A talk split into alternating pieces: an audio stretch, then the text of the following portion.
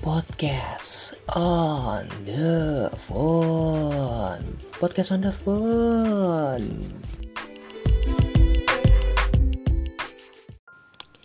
Hai semuanya, welcome to podcast on the phone di mana bakal ngebahas apa aja yang pastinya bisa dibahas cuma lewat HP.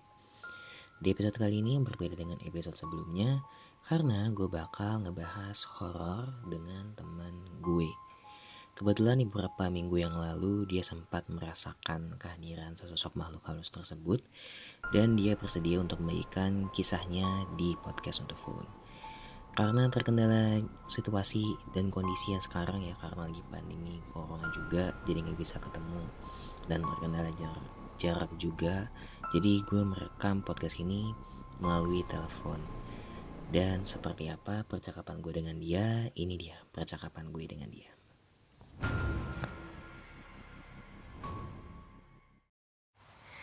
Di episode kali ini berbeda dengan episode sebelumnya karena gue akan ditemenin sama teman gue. Coba saya hai dulu dong. Halo semua. Yang kenceng dong. Hai guys. Oke. Wah, ini first time banget gue sih. First time banget ya. Yoi. Oke, eh, jadi ini teman kuliah gue dan dia tuh anaknya jurnal banget. Ya gak sih?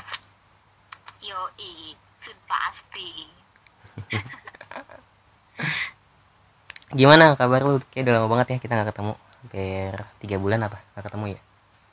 Iya, udah hampir tiga bulan. Alhamdulillah sih baik-baik aja. Sehat semua ya? baik-baik Aja. Alhamdulillah. Cucu gimana? Wah sehat banget dong gue. Amin sehat-sehat sehat terus ya. Terus lu di rumah ngapain aja tiga bulan? Hampir tiga bulan malah. Gue biasanya explore masak. Terus sekarang lagi senang-senangnya coret-coret muka sih. Make up gitu-gitu. Oh make up. bosan. Oke. Oh iya, eh, kayaknya lu juga aktif di, di Twitter nih kalau gue lihat-lihat ya. Iya karena Twitter itu salah satu media yang apa ya, yang kita tuh bisa mengekspresikan diri kita lebih jauh gitu. Lu jadi seleb tweet ini ya? Apa Pondok Labu nih ya? Nggak pondok labu juga sih pak. Terus eh, seleb seleb tweet mana nih? Bin Bintaro ya? Eh lu tinggal di mana sih? Gue lupa deh. Gue nomaden sih, kadang di Bintaro, kadang di Pamulang. Aduh, nomaden. Oke, eh kayak ngomong-ngomong soal Twitter nih, gue waktu itu sempat ngeliat tweet lu nih, yang tentang ngomongin halus-halus gitu, makhluk-makhluk halus gitu. Makhluk halus apa nih? Rambut, bulu. Kucing. Waduh, itu terlalu terlalu halus gitu. Katanya ada makhluk halus yang ngegangguin lu katanya. Itu gimana sih? Awalnya gue boleh tahu nggak? Eh, kalau yang kemarin gua nge-tweet itu sih sebenarnya gara-gara apa ya? Eh, jadi kebetulan nyokap gua sama bokap gua itu pulang ke Pamulang. Nah, gua di rumah nenek gua nih di Bintaro. Terus gua kayak ngide aja gitu tidur di kamar nyokap gua. Maksudnya sambil kayak nonton TV gitu kan. Hmm. Tidurlah gua di sana sampai jam 12-an itu mulai nggak enak gitu kayak ada yang liatin tapi ya udah gue kayak uh, stay cool aja kan terus gue coba-coba tidur gue nyalain lagu gitu kan biar gue bisa tidur. Terus tiba-tiba mulai nih fisik mainnya ya kan? Dia mulai apa ya kayak nyolek-nyolek gitu. Serius? terus nyolek-nyolek bahu. Terus pas gue kayak uh, balik arah gitu Hmm. kayak apa ya hawa hawanya beda sih terus ya udah gue coba-coba buat tidur lagi.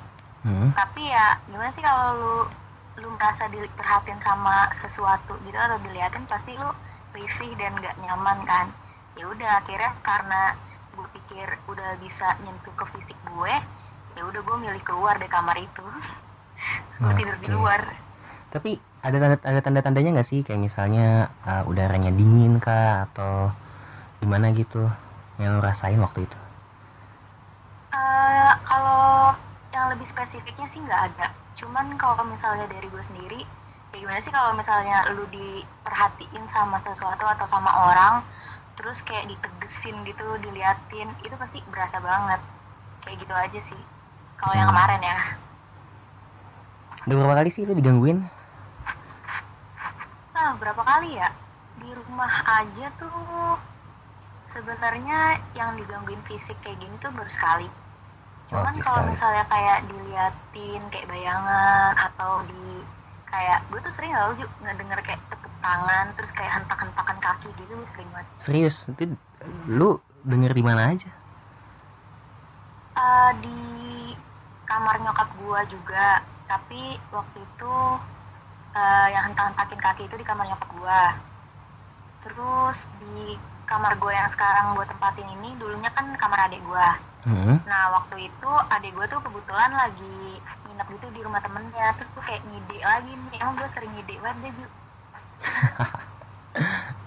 Eh, dan Gua iya ya, boleh. gue ngide gue ngide lagi terus gue tidur di kamar adik gue kan Hmm. pas gue tidur di kamar adik gue ya udah gue udah kayak setengah tidur gitu terus ada yang tepuk tangan kayak dua kali dua kali gitu kanan kiri terus gue Hmm. langsung kayak aduh kayak gitu udah dong terus langsung kayak selimutkan udah Hmm. Itu dari kapan sih lu digangguinnya gitu? Dari lu diliatin sampai lu dipegang secara fisik tuh mulai dari kapan sebenarnya? Eh, sebenarnya dari kapan ya kayaknya mulai-mulai SMA deh karena SMA gue tuh ini Ju lu pernah dengar ini gak sih tragedi Bintaro Ju Belum, belum pernah. Belum, belum pernah. Nah, waktu tragedi Bintaro, jadi tragedi Bintaro itu ada dua. Hmm. Yang pertama, tragedi Bintaro yang kereta sama kereta, tabrakan gitu. Yang kedua, tragedi Bintaro kereta sama eh, mobil bensin. Meledak gitu mobilnya. Iya, nabrak tabrak kereta gitu. Nah, Oke. yang tragedi pertama itu tahun tahun berapa gitu? Tahun 8 8 berapa gitu, gue lupa. Nah, em, kayak jenazah-jenazah dari kereta apa yang korban-korban tabrakan kereta ini itu ditaruhnya di SMA gue ini. Banyak kan. Nah jadi ya udah mulai dari situ gue udah kayak mulai ngerasa ngerasa deh. Kayak semenjak semenjak gue SMA sih yang lebih tepatnya. Selain itu gue sebelumnya nggak pernah. Wow. Dari SMA ya. Tuh agak-agak ngeri juga sih sebenarnya kalau dari SMA ya. Tapi lu merasa nggak sih kayak apa namanya kayak keganggu gitu dengan kehadiran mereka atau lu kayak stay cool aja gitu?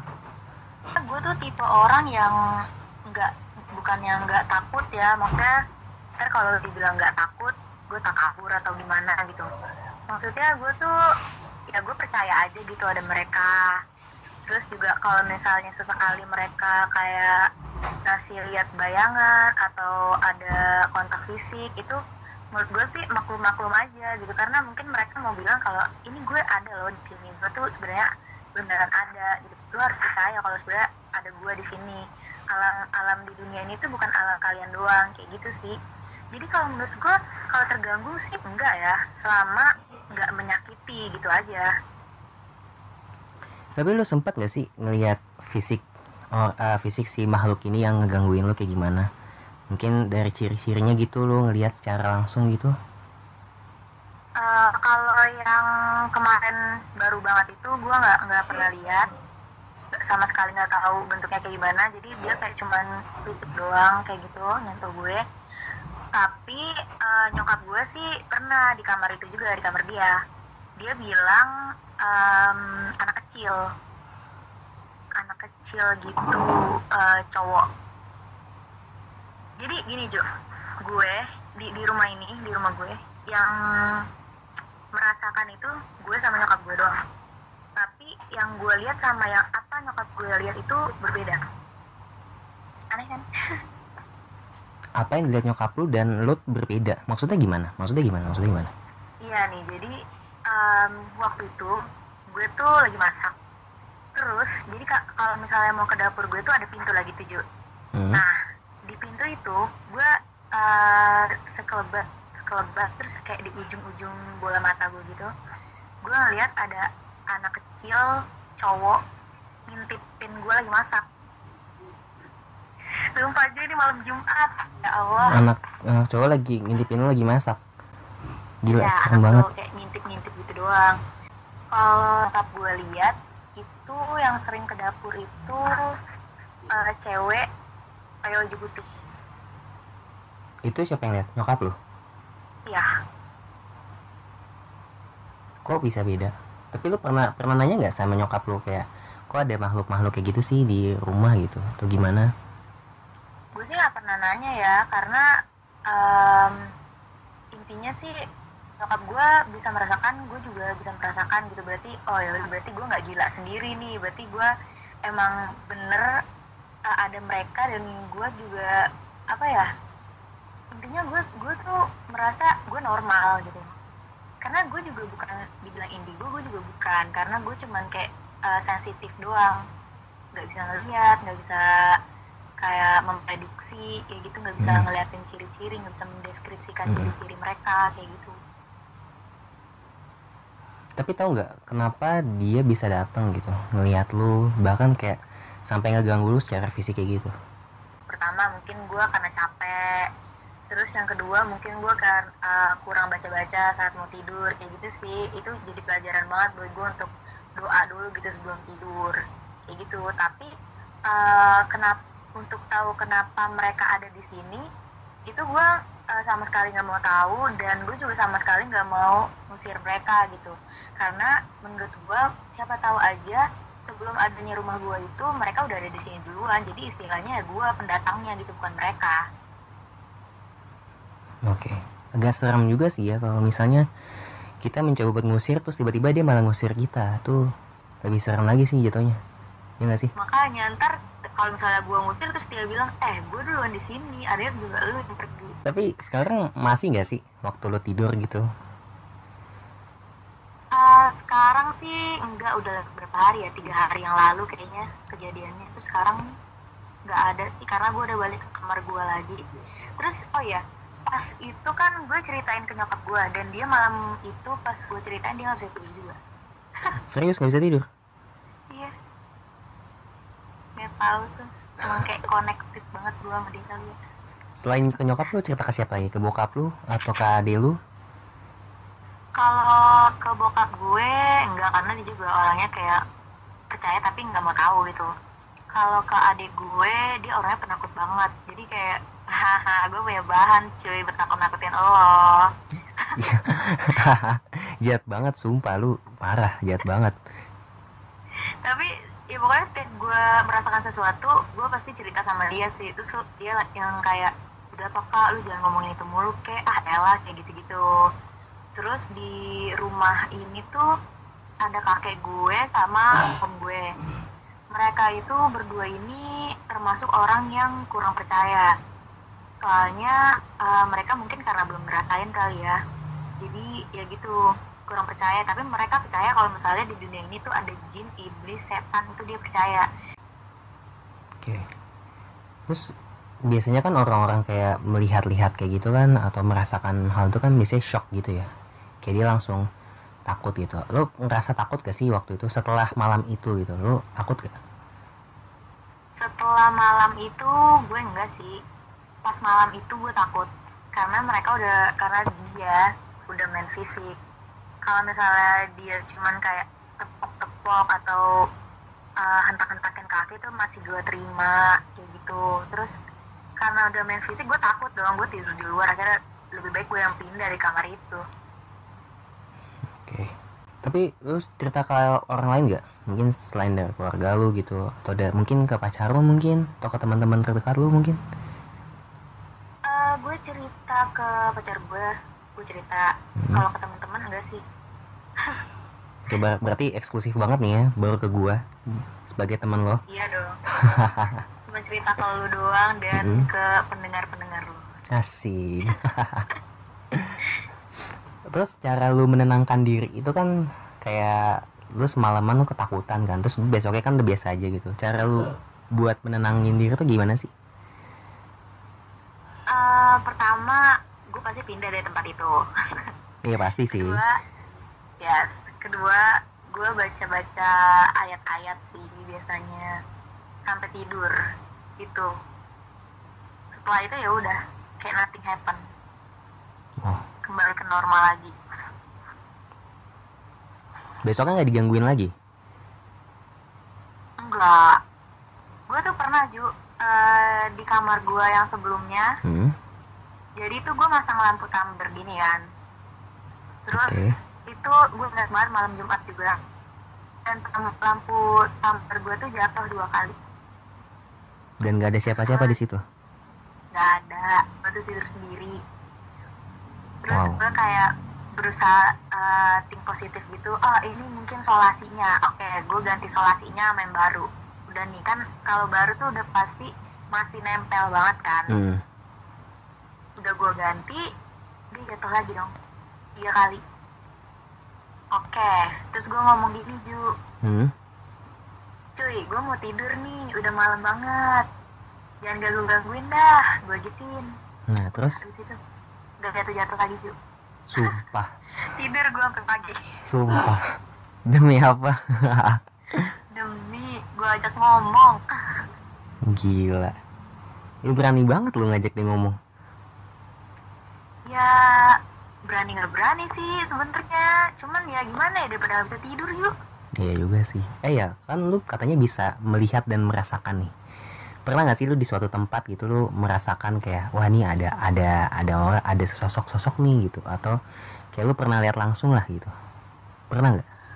Eh, gue nggak pernah lihat sama sekali nggak pernah lihat paling kayak cuman bayangan gitu doang Hmm. Apa putih atau nggak hitam gitu Hmm. cuman itu doang tapi nggak pernah lihat benar-benar yang wujudnya kayak gitu dan di tempat-tempat biasanya hotel kalau misalnya gue kan eh, jadi tuh kantor gue itu kadang-kadang suka eh, datang ke sebuah event gitu Ju Hmm.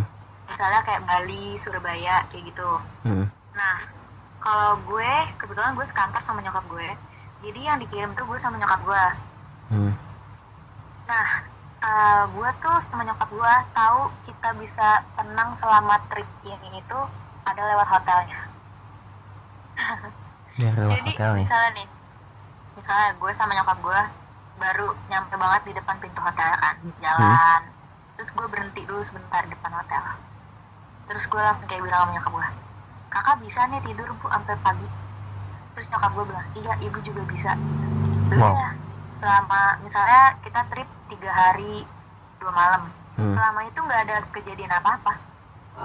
Tapi Tapi kalau misalnya hmm. kalau misalnya baru sampai di depan hotel aja kayak wah nggak enak nih kayak gitu misalnya Hmm. udah kayak saling lihat-lihatan atau gimana gitu Hmm.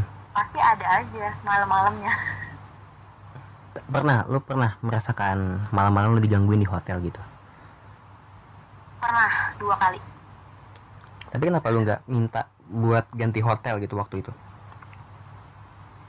Eh, kalau yang waktu itu yang pertama gue itu di Surabaya. Malam gue tuh nginep tiga hari dua malam deh kalau nggak salah. Hmm. jadi malam yang pertama itu bener-bener eh, semuanya lancar gitu. Kita tidur enak-enak aja. Mungkin karena kecapean juga gue ngerti. Pokoknya tidur enak-enak aja. Malam kedua itu mulai aneh. Jadi pertama nyokap gue dulu. Dia itu kayak denger koin menggelinding gitu. Koin atau gundu gitu menggelinding tuh jatuh ke Mhm. lantai. Terus si kursi kayak bergeser gitu padahal kursi di atas kepala gue Ju. Maksudnya di atas kepala pas gue tidur gitu. Oh, iya. Ah, nyokap gue tuh bangunin gue kan. Hmm. kak kak kak coba dengerin deh itu suara apaan? gitu terus yang gue denger bukan yang nyokap gue denger. Jadi yang gue deng yang gue dengerin itu gelas gelas yang udah keisi penuh gitu jatuh. Jadi ada suara pecahan gelasnya sama suara airnya gitu. Itu di kamar lu? yes. Terus gue kayak mikir kan gue waktu itu emang lagi setengah tidur. Terus gue bilang itu mungkin dari kamar sebelah gue gituin kan. Oh, positif Terus, ya. Iya, terus gue pagi-paginya gue mikir lagi, udah kalau dari kamar sebelah ini dinding hotel berarti tipis banget cuy, sampai gelas jatuh aja kedengarannya sampai samping kan. Iya, benar-benar. Terus habis itu nyokap gue pagi-paginya cerita uh, semalam itu masih berlanjut gitu cuman dia nggak mau ceritain semalam itu masih berlanjut sampai nyokap gue tuh bilang gitu di di dalam kamar hotel itu malam-malam dia bilang pokoknya kalau sampai lu gangguin anak gue gue beneran gak tidur gue tungguin lu mau ngapain gitu setelah itu udah gak ada kejadian apa apa lagi gak ada suara gak ada gerakan pokoknya gak ada apa pun sampai pagi terus dia tidurnya itu dari jam 2 baru tidur buset iseng ya hantunya ya iya katanya tuh kalau gue tuh suka denger denger gitu iya. dari internet juga hmm. katanya hmm. kalau koin atau gundu itu ah. dia itu anak kecil jadi mau minta main oh. Oh gitu ya? Gue baru tahu. Terus iya, kalau waktu itu sempat denger denger gitu terus lihat baca baca di internet. Nah terus kalau misalnya bukan gundu dan kelereng misalnya yang lain kayak, kayak apa kursi itu kan lu sempat denger tuh kursi. Uh, apa ya gue agak-agak lupa hmm. tapi pokoknya mungkin mereka itu kayak pengen kenalan gitu loh hmm. terus lu pernah kayak uh, pernah denger nggak sih kalau misalnya ada barang-barang di kamar lu itu yang berpindah tempat itu berarti ada yang mau kenalan? Seriously? Yes misalnya nih sisir lu taruhnya di atas meja. Terus besok atau enggak pas lu keluar dari kamar tau-tau sisir ada di kasur. Itu berarti dia mau kenalan. Wow. Wow. ya, gue denger denger sih ya iya. tapi lu merasakan nggak? lu merasakan nggak merasakan nggak? Kayak gitu. Um, pernah sih waktu dulu dulu apa gue yang pindah ya? Wah ada barang gue yang pindah. Terus uh, gue kan udah tahu kalau misalnya itu artinya mau kenalan. Terus gue langsung hahaha hai juga gitu. Terus besoknya? Udah nggak ada lagi. Oh udah nggak ada lagi? Ada. Hmm. tadi kan katanya lu gak cuma di Surabaya doang. Apa ada tempat lain gitu yang lu merasakan sama gitu kayak gitu juga oh di ini baru banget kemarin sih tahun baru eh nggak Natal mm-hmm. Natal itu gue ada di Jogja mm-hmm. jadi gue tuh nomaden juga biasa nah, jalan-jalan kan Iya. Yeah. Jadi uh, setiap malam gue pindah-pindah hotel karena bisa aja malam ini gue di Bantul, terus malam satunya lagi gue di mana. Oh gitu. kerjaan ya? Kayak gitu deh. Iya. Yeah. Abis itu uh, malam malam suatu malam anjay. Anjay suatu malam. Pokoknya pada suatu malam gue itu dapat hotel di mana ya? dibilang pelosok nggak juga hmm. tapi dibilang kota juga enggak jadi kayak tengah-tengah gitu oke okay.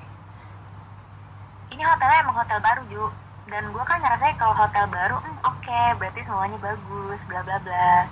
Tapi ternyata? Gue tidur kan. Hmm. tidur enak enak. Malam-malam kan gue tidur di kamar gue bertiga. Gue nyokap gue bokap gue terus hmm. adik gue sama saudara-saudara gue yang laki-laki. Oke. Okay terus gue tidur gue sengaja di pinggir di pojok. Gue nggak mau tuh di tengah atau di pinggir gue mau udah pokoknya. Hmm. Gue tidur di pojok. Terus malam-malam ada suara shower. Wow. Gue mikir ini siapa yang mandi malam-malam? Gue liat nyokap gue ada bokap gue ada. Adik lu? Kan adik gue beda kamar. Oh. Terus gue nggak berani kan uh, ke kamar mandi ngecek gitu. Hmm. oke terus gue pura-pura merem aja kan. Gue merem gue merem. Tahu-tahu showernya berhenti juga tapi berhenti kayak pelan kayak ditutupnya pelan. Set sampai habis suara. Iya oke. Okay. gue gue paham gue paham. oke. Okay. terus terus? Dan pagi-pagi gue cerita dong. Pasti gue ceritanya ke nyokap gue karena uh, kalau misalnya gue merasakan nyokap gue juga pasti merasakan. Iya oke. Okay. terus gue cerita bu semalam dengar nggak ada suara air? Terus? Saat itu uh, kata nyokap gue oh kamu itu juga ngerasain juga yang di kamar mandi gitu. Iya emang ibu denger juga yang di kamar mandi. Iya tapi bukan suara air pokoknya ada bayangan aja masuk ke kamar mandi gitu. Wow. Kan benar. Wow. Cuman suara air doang apa apa ada tanda-tanda lain nggak? Pas lo lagi di gak, sana. Nggak air bener-bener air, air. kayak suara shower gitu shower lagi mandi. Oke. Tapi tapi mandi. Tapi kan lu katanya di Jogja itu lu kan pindah-pindah hotel ya. Lu nanti ke Bantul nanti ke ini ke ini gitu kan. Di setiap hotel lu merasakan hal yang kayak gitu atau di cuman hotel yang baru itu doang? Hotel yang baru itu doang. Oke. Lu sempat nanya nggak? hotel yang lain enggak sempat sempat riset nggak sih? Maksudnya eh, tuh hotel dari bekas bangunan apa gitu? Apakah itu bekas kuburan atau bekas apa gitu enggak sama sekali enggak karena gue selalu berpikir pasti di setiap di setiap bangunan tuh ada kayak gitu cuman ya mungkin energi mereka yang lebih kuat atau gimana kayak gitu Hmm. Oke, agak serem juga ya. tapi tapi kan katanya lu bisa bisa merasakan nih. Kenapa lu nggak langsung pindah aja gitu waktu itu? Kenapa lu memilih tetap di hotel itu? karena itu hotel satu-satunya yang masih ada kamarnya gue juga nggak tahu kenapa hotel itu doang yang masih ada kamarnya dan itu gue udah jam 12 malam Oke, jadi agak mungkin untuk pindah hotel Iya sih, benar benar benar. Berapa hari lu di situ? Cuma sehari doang. sehari ah. kan gue nomaden Hmm. Oke, tapi keluarga lu merasakan keluarga lu yang lain merasakan nggak ada tanda-tanda kayak gitu selain lu dan mak lu gitu? Eh, enggak sih mereka mereka nggak ngerasain nggak ngerasain apa-apa soalnya kakek gue sama nenek gue aja bilang Hmm. kamu belum lahir aja eh, Umi kan manggil nenek gue Umi Iya. Umi udah di sini Umi nggak pernah diapa-apain tuh gitu nggak pernah ngerasain nggak pernah lihat apa-apa gitu kayak gitu terus eh, ya sama kakek gue juga kayak ngomong kayak gitu Tapi itu terus jadi Oke. ya ya jadi keluarga gue ya santai-santai aja gitu karena ya cuman gue sama nyokap gue dan itu juga nggak nggak main fisik yang menyakitkan gitu Hmm, sejak kapan lu merasakan kayak gue bisa nih ngerasain ada si itu si ini gitu? Sejak kapan? Em, kalau misalnya waktu SMA itu gue tuh kayak ngerasa oh ini cuma mungkin cuman sekelebat aja kali gitu sesekali Hmm. doang kayak gitu terus mungkin semenjak apa ya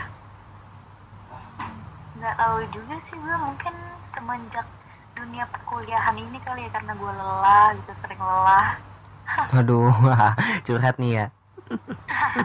tapi jujur aja di kampus gue nggak pernah loh merasakan sesuatu Evenly di kan di kampus di fisik B itu kan banyak mayat kan, tapi lu nggak pernah merasakan gitu? enggak malah gue tuh eh, kan sering ada kelas yang sampai jam 6 sore gitu ya. Iya, ah, gue tuh malah sering kayak ngelihat ke kamar itu tau. Kamar mayatnya. Ah, kayak gue penasaran ini beneran gak sih ada mayatnya gak sih gitu.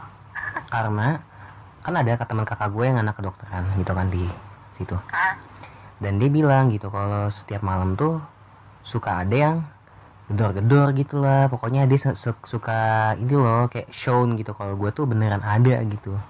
hmm, Dan ya tapi gue sampai malam sih di kampus nggak pernah sampai malam Enggak, tapi maksud gue lu berarti lu nggak merasakan sama sekali dong. Even itu siang gitu atau pagi gitu. Lu ada di sekitar situ. enggak enggak enggak aneh malah Tapi lu merasa eh, insecure nggak sih lu punya apa namanya keahlian untuk gue bisa melihat ini, gue bisa merasakan ini gitu. Lu ada rasa insecure nggak? Atau lu justru malah pede gitu? Wah gue bisa nih kayak gini-gini gitu. Em, insecure enggak sih karena menurut gue ini gift aja gitu mungkin emang Allah udah udah apa ya udah kasih gue sesuatu yang emang nggak terlalu luar biasa tapi seenggaknya gue jadi tahu kalau misalnya eh, ada dunia yang lainnya daripada dunia yang sekarang ini gitu Hmm. jadi kalau gue gue terima-terima aja sih karena juga pertama gue nggak bisa ngeliat otomatis eh, gue masih kayak apa ya aman lah gitu istilahnya Oke. Temen lo ada ada lagi nggak yang bisa ngelihat dari temen lo? Dan lo pernah menceritakan hal itu ke temen lo gitu? Eh, teman-teman gue nggak ada yang bisa lihat. Terus kalau oh gue waktu itu ada teman SMA dia tuh bilang dia bisa ngeliat dan dia bisa merasakan gitu. Terus ya kayak biasa namanya anak-anak baru-baru SMA kelas 1 gitu kan. Dia main ke rumah gue terus dia kayak menceritakan sini ada mood di sini ada mood gitu. terus gue kayak ah iya iya. Kayak gitu aja tapi lu percaya nggak omongannya dia? Dulu gue nggak percaya karena gue nggak pernah dulu tuh gue belum pernah merasakan apa-apa gitu nggak pernah lihat juga. Nah sekarang? Gua kayak kalau sekarang uh, gue percaya tapi gue nggak percaya sama apa yang dia sebutin ciri-cirinya gitu karena gue juga nggak pernah lihat dan jangan sampai gue pernah lihat juga tapi lu penasaran gitu. Ada nggak sih lu kayak pengen kayak dalam keinginan lo gitu? Aku pengen lihat ah gitu sekali sekali gitu. Pernah gak uh, sekali pernah tapi abis itu gue langsung kayak ah enggak enggak enggak enggak enggak jangan jangan jangan nggak mau nggak mau nggak mau. Karena gue lebih memikirkan dampaknya ke gue daripada uh, apa keinginan gue saat itu gitu. Ngerti nggak? Iya gue ngerti gue ngerti. Yes. Tapi agak serem juga sih ya kalau bisa ngelihat kayak gitu. Kayak nggak tenang aja gitu hidupnya. Makanya kalau misalnya dari kecil itu beda lagi. Mungkin lo udah terbiasa seiring dengan pertumbuhan uh, lo gitu ya. Hmm. kalau misalnya tengah-tengah kehidupan kayak gua gini tiba-tiba bisa ngelihat gitu ya? ngeliat kan aneh cuy dan takut sih sebenarnya. Oke. Okay.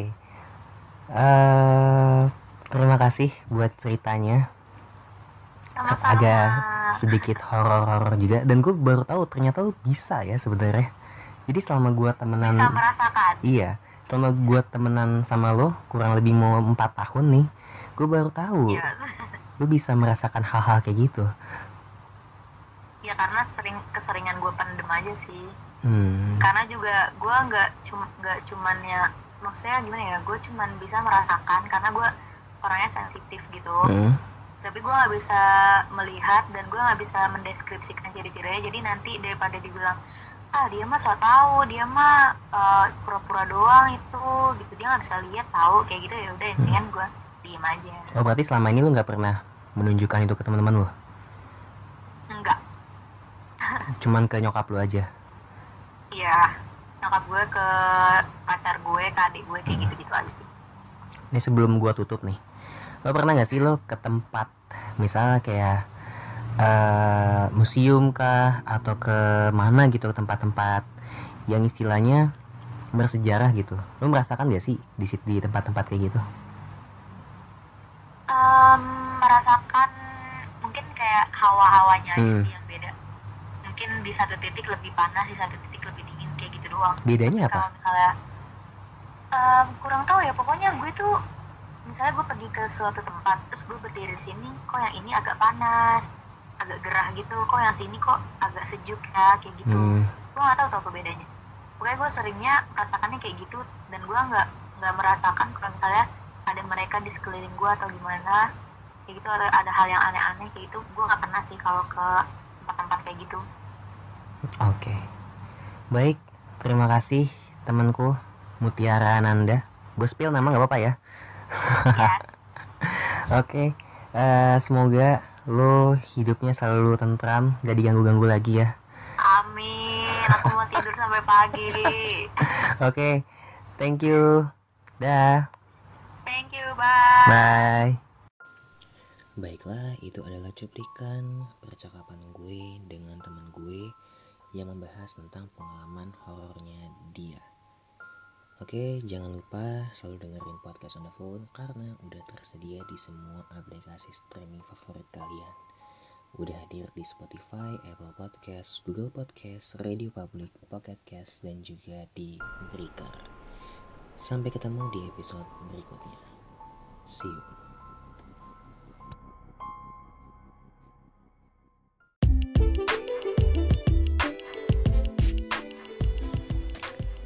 Gimana? Nyaman gak dengerin podcast on the phone? Iya, makanya pantengin podcast on the phone. Oke?